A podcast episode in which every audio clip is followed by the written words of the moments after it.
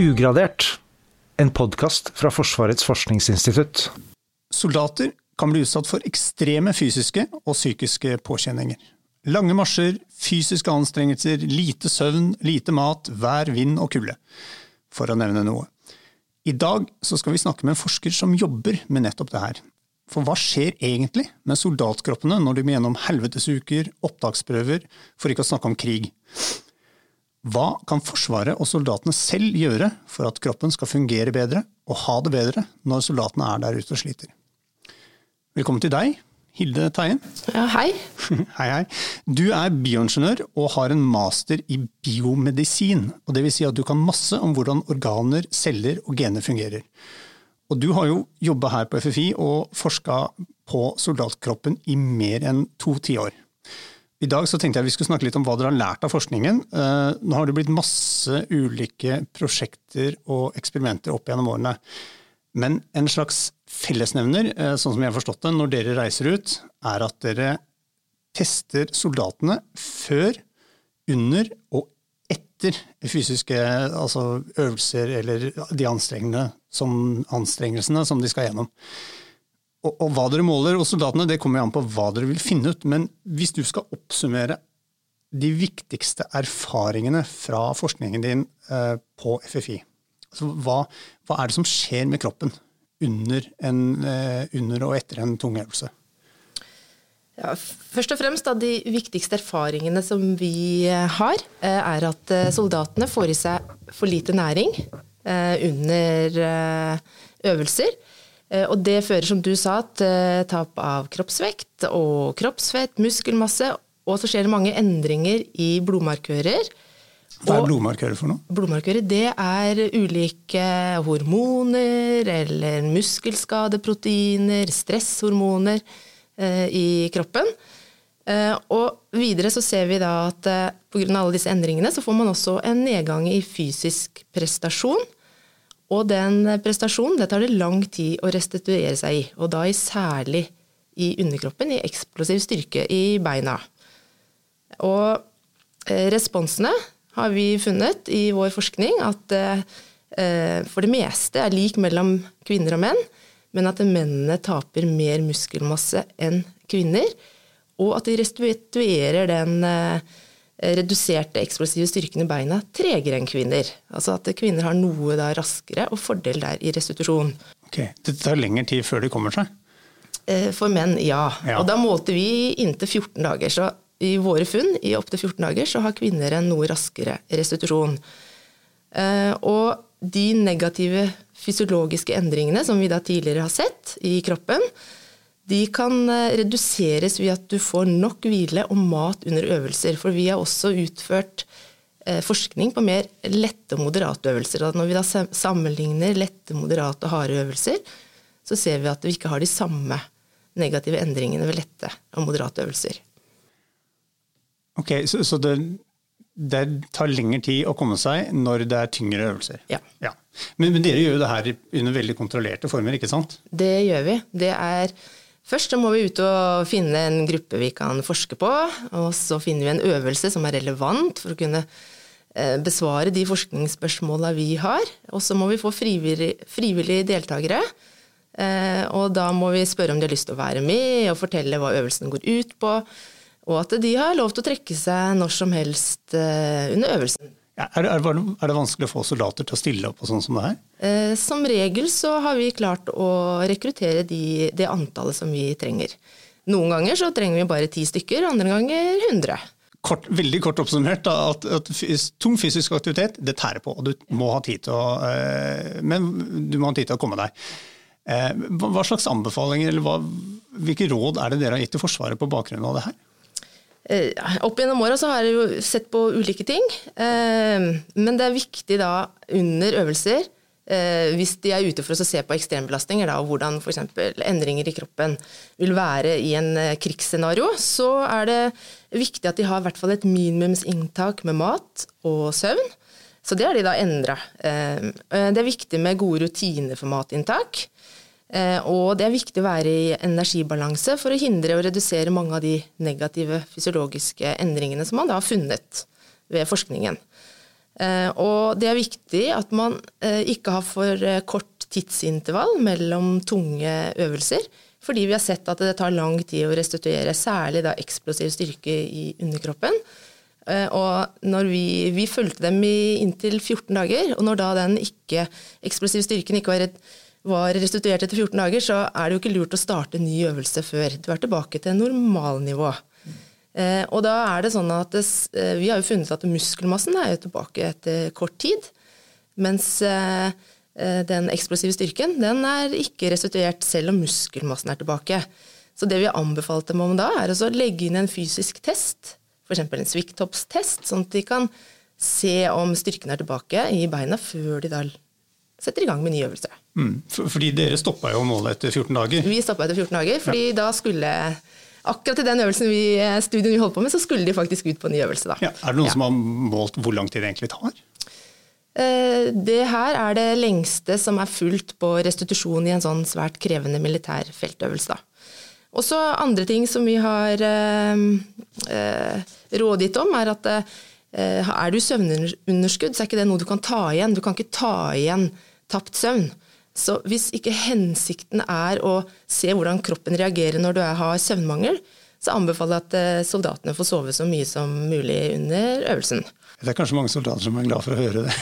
ja, eh, og så er det en annen ting som man ikke tenker på. Da, ikke eh, vi, vi, ser på gjennomsnittsdata, men vi utfører målinger på individer, og det vi vet er at det er store individuelle forskjeller. Både i endringer i da, blodverdier, i fysisk prestasjon, men særlig også i eh, ter kroppens termoregulering. Mm. Sånn at du og jeg, når vi sitter i rommet her nå, så vil vi føle den temperaturen ulikt, og også antageligvis ha ulik temperatur på hender og føtter. da. Ja. Ja, ikke sant? Det er, det, er, sikkert mange som kjenner seg igjen i det, som står og krangler om hva slags innstilling de skal ha på ovnene hjemme. Ja. men, men, hvordan kan man fange opp det, da? I en litt sånn stor forsvarsavdeling hvor det er så store individuelle forskjeller? Ja, Da må man jo måle. Mm ut og undersøke. Og så er det, hvis du skal rådgi, eh, så kan man jo rådgi ut fra erfaring, og det blir jo ofte gjort. Men hvis du vil ha eh, vite av virkelige tallene, så må du faktisk ut og måle. Gjøre målinger. Eh, du kan jo, fordi hvis du da legger en stor sovepose på pulten og en liten, så vil jo mest sannsynlig tenke at den store soveposen vil gi deg best beskyttelse. Men det er jo ikke nødvendigvis sånn, så da må man måle. Mm. Du sa jo litt om det, eh, det her, eh, at dere har vært ute og undersøkt eh, det med eksplosiv eller beinstyrke. Men hvordan Snakk litt om metoden dere bruker. Hvordan måler man, måler man det? Ja, I den spesifikke studien der så gjennomførte vi fysiske tester, målte kroppssammensetning og tok blodprøver for å kunne se på endringer da, i blodverdier som sier oss noe om stress og betennelse og muskelskade. Da gjorde vi det før øvelsen, for vi må jo vite hva normalnivået er. Og så gjentok vi akkurat de samme målingene til akkurat samme tidspunkt. Like etter, etter 24 timer, 48 timer, én uke og to uker. Mm. Og så sammenligner vi da, så kan vi da se på endringer over tid. Og da ser vi når sammenligner sammenligner så ser vi i forhold til preverdi, førverdien, når de er tilbake til normalen. Da. Så det er en sånn metode som vi bruker. Ja, og Når du sier kroppssammensetning, hva tenker du på da? Da tenker jeg på hvor mye fett, muskelmasse, eh, som kroppen eh, består av. Og da ja. er det jo eh, Genetisk så har jo menn større muskelmasse, særlig overkropp, enn kvinner. Mm. Eh, og så ser man da på hvordan da kvinner yter i forhold til sin kapasitet, og hvordan menn yter i forhold til sin kapasitet. Ja, jeg var på treningsstudio en gang, og da gikk jeg på en vekt som bare fortalte meg hvor mye muskler og fett jeg hadde. Men hvordan mm. gjør dere det? Uh, gullstandarden er ja. at du faktisk uh, drikker sporingsstoffer som er med på å måle den eksakte At du kan beregne eksakt energiomsetning. Men hvis du har store antall individer, så kan du bruke kroppssammensetningsinstrument. Sånn som du sier at du går på den vekta. så får du en indikasjon på hvor mye fett og muskelmasse du har. Det er en enkel metode som er enkel å ta med seg ut i felt, og koster lite. Eh, og for den enkelte så er den veldig unøyaktig, men når du ser på gjennomsnittsdata, så er det en god nok metode. Mm. Nå i mars, eh, hvis ikke korona stikker kjepper i forskerhjulene, så skal dere til Nord-Norge og forske på ernæring. Eh, og det her er en del av prosjektet som heter Menneskelig yteevne i kaldværsoperasjoner. Det er kanskje et dumt spørsmål, men hvorfor er ernæring viktig i kaldværsoperasjoner? Uh, ja, ernæring er viktig i alle operasjoner. Uh, men uansett militær operasjon, da, så er det viktig å få i seg nok mat for å sikre optimal yteevne og eh, at soldatene har god helse. Og for å gjøre da friske og operative soldater enda mer friske og operative. Men under vinteroperasjoner så er det svært energikrevende. Det krever mer energi om det er snø, Eh, kulde, vind. Eh, og du vil da ha økt forbrenning i kroppen mm.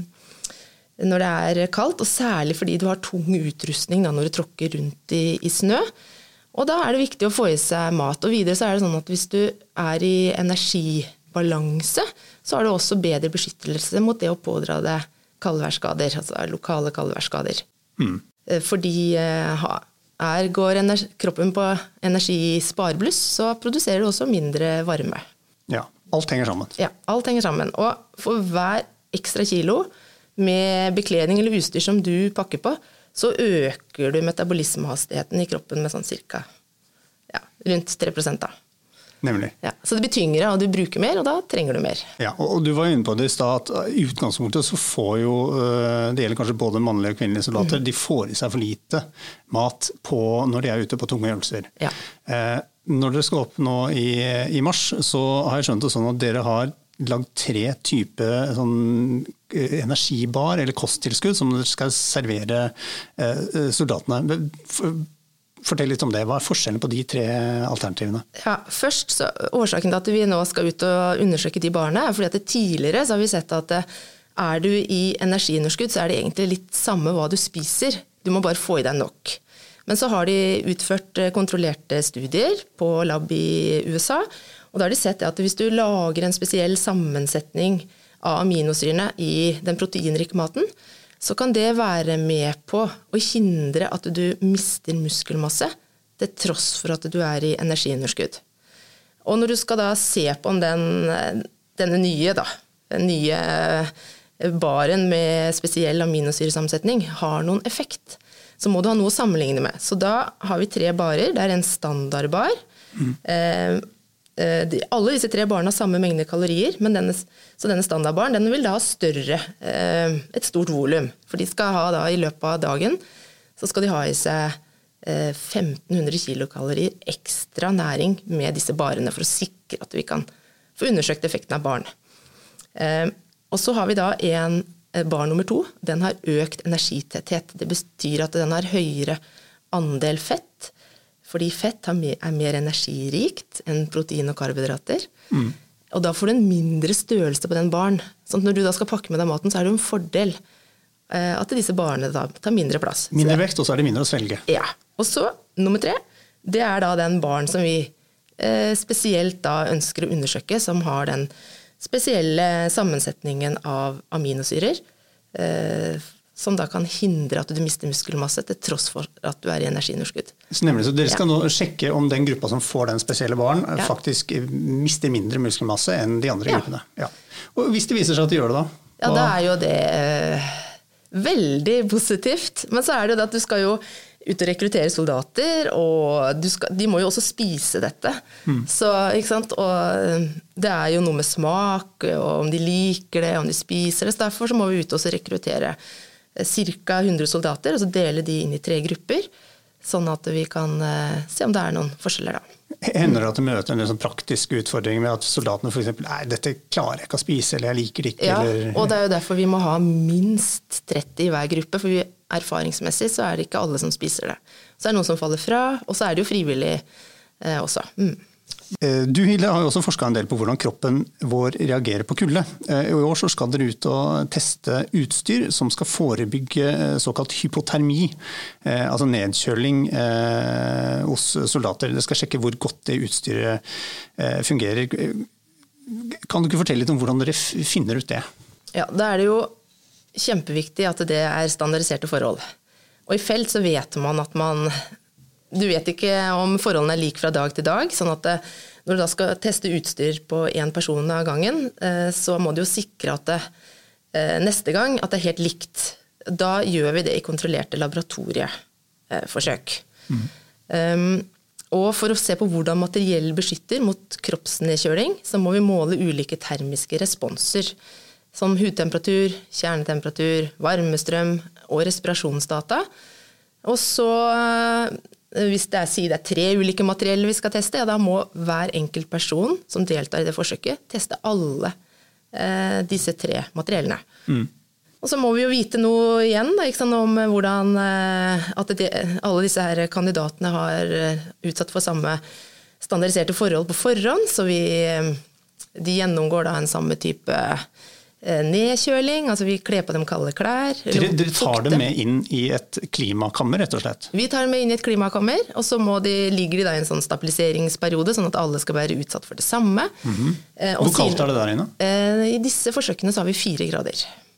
Og det er jo det som er sånn som vi på FFI i våre eh, prosjekt har definert som kaldtværsoperasjoner. Da. Ja, alt er relativt. Ja, og så ønsker vi å se på om dette materiellet, om det hvis du da eh, ligger ute, du er skadd og du fryser, om det har en effekt. Da må du jo være litt kald, så vi kler da på eh, fuktig tøy. Så ligger de en time og fryser på rygg, og så pakker vi dem inn med dette materiellet. Så ligger de da i to timer materiellet på. Og så måler vi underveis. Kontinuerlige målinger hvert eh, tiende sekund, 30. sekund. Så det er mye data etterpå. Og så ser vi da på eh, så kan vi sammenligne disse materiellene med hverandre og se på ja, hvordan, er, hvordan synker kurven for det materiellet kontra materiell B og C. Det brukes da av forsvarsmateriell når de skal kjøpe inn sånt utstyr?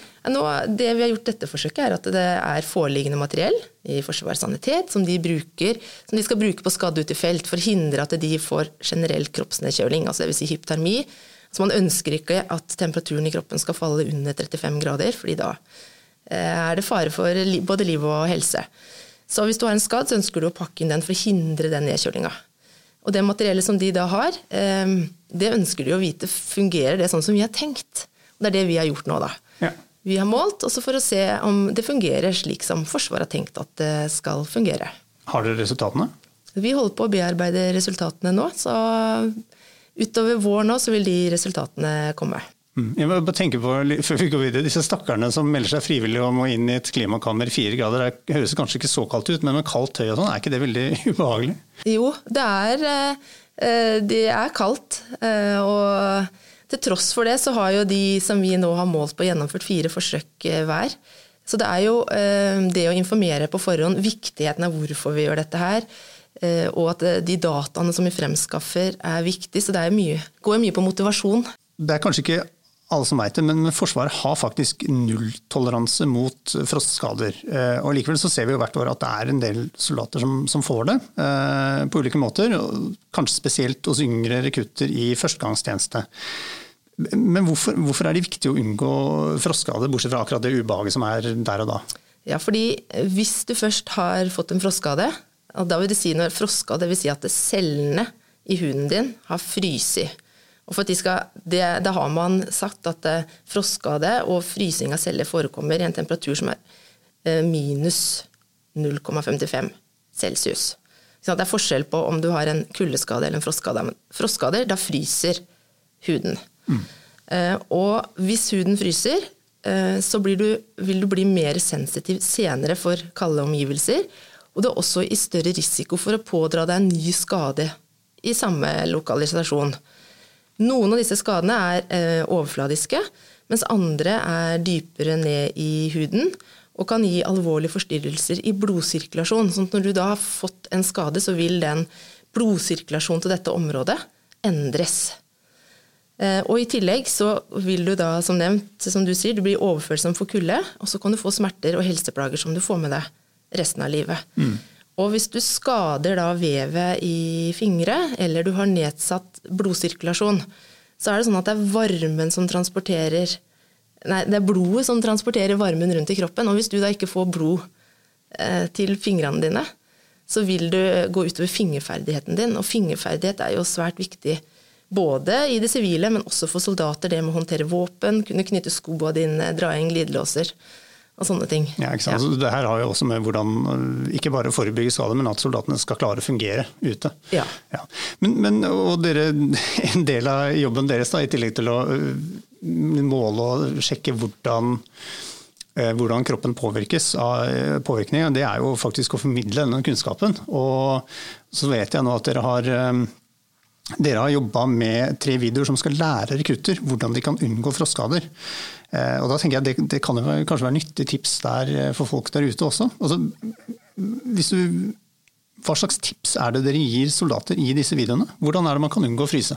Ja, Hovedinformasjon som vi gir, er det å kle deg etter vær og aktivitet og ikke ignorere at du fryser. Det er liksom hoved. Eh, og så, i tillegg så har jo, som vi har snakka om tidligere, så er eh, mat viktig. Så spis all maten du får under trening eller øvelsen. Og at de da er bevisst på både hvordan de kler seg, ter seg, drikker og spiser. Eh, og hvis de da er bevisst på dette her når de ferdes utpå vinteren, så blir sjansen for å pådra seg en lokal kulde- eller froskade veldig mye mindre. Og så er det sånn at det, hvordan eh, bekledningen er, og hvordan du kler det, har også betydning. Og beskyttelsen i bekledningen den avhenger også av luftlagene som er i bekledningen. Så vi tipser dem da om at det er lurt å ha flere bekledningslag, eh, og at de regulerer bekledningen sin etter behov. Eh, og en løs bekledning den gir større isolasjon, men har du for stor bekledning igjen altså For det har jo litt med hva som er inn. Noen, Noen ganger så er det det å ha litt baggy bekledning, eller liksom, det skal være veldig trangt. Men blir den for stor, så gir det mindre isolasjon. Eh, og så er særlig informerer vi om dette her med å unngå å håndtere metall med bare hender. Og da er det lurt å hele tida trene på med å ha håndbekledning på. Mm. Um, videre så informerer vi om dette her med faremomentene. At hvor lang tid du eksponerer deg, om det er fuktig i lufta, eh, og da særlig sant, temperatur under null. Fordi mm. frostskader, det er når cellene fryser. Mens kaldtværsskader, altså kuldeskadene, de eh, kan du få selv fra 15 grader og ned til null. Da. Mm, men de kan også være alvorlige? Eller? De kan også gi nerveforstyrrelser, ja. Mm. Men i Norge så har det vært fokus på frostskader. Mm. Kle deg til fordelene, spise opp maten din og ha flere lag. Det her høres ut som eh, tips som jeg kunne gitt tenåringene mine hjemme. Ja, Og passe på å drikke nok ja. væske. Mm. Ja. Jeg tenker vi snart skal runde av, men helt til slutt. Du har jo vært innom som jeg sa, mye forskjellige eh, prosjekter. Hva, hvis du skal trykke fram én ting, hva er det mest spennende du har gjort i løpet av disse 24 årene?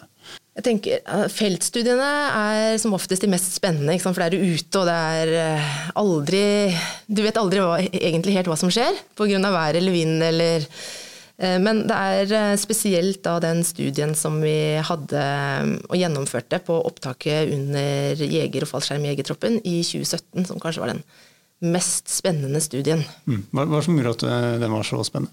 Og grunnen til at den var mest spennende, fordi da skulle vi ut og undersøke ting som ikke er forska noe særlig på før.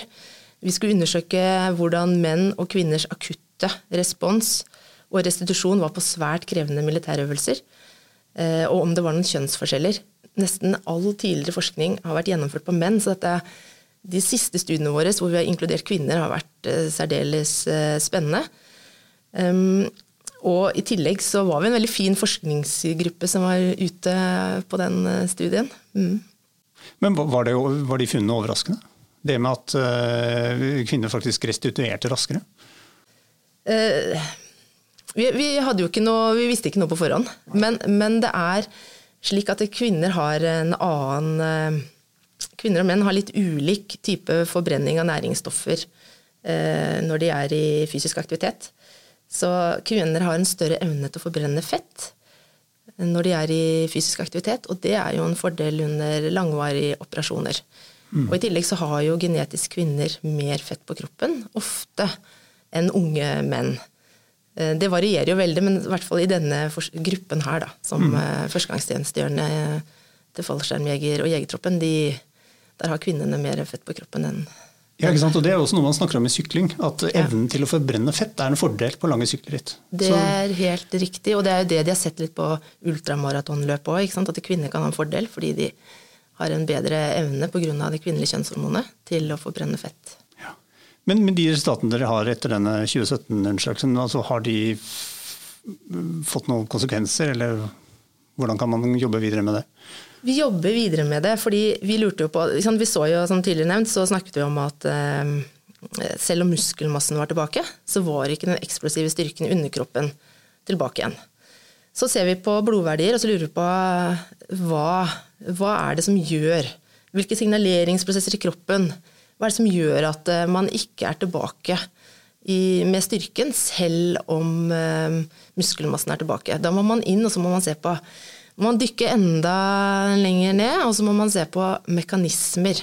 Så vi hadde en oppfølgingsstudie under, uh, med deltakere som deltok på en ti dager lang cyberenransøvelse på Forsvarets ingeniørskole. Og der uh, tok vi muskelbiopsier. Altså vi var inne og tok ut en liten bit av muskelvev før og etter, og i litt påfølgende dager, for å se på om det var noen endringer i noen signaleringsprosesser. Og de eh, analysene der holder de på fremdeles på med på Norges idrettshøgskole eh, å analysere, og vi håper at vi kan publisere de dataene også denne våren.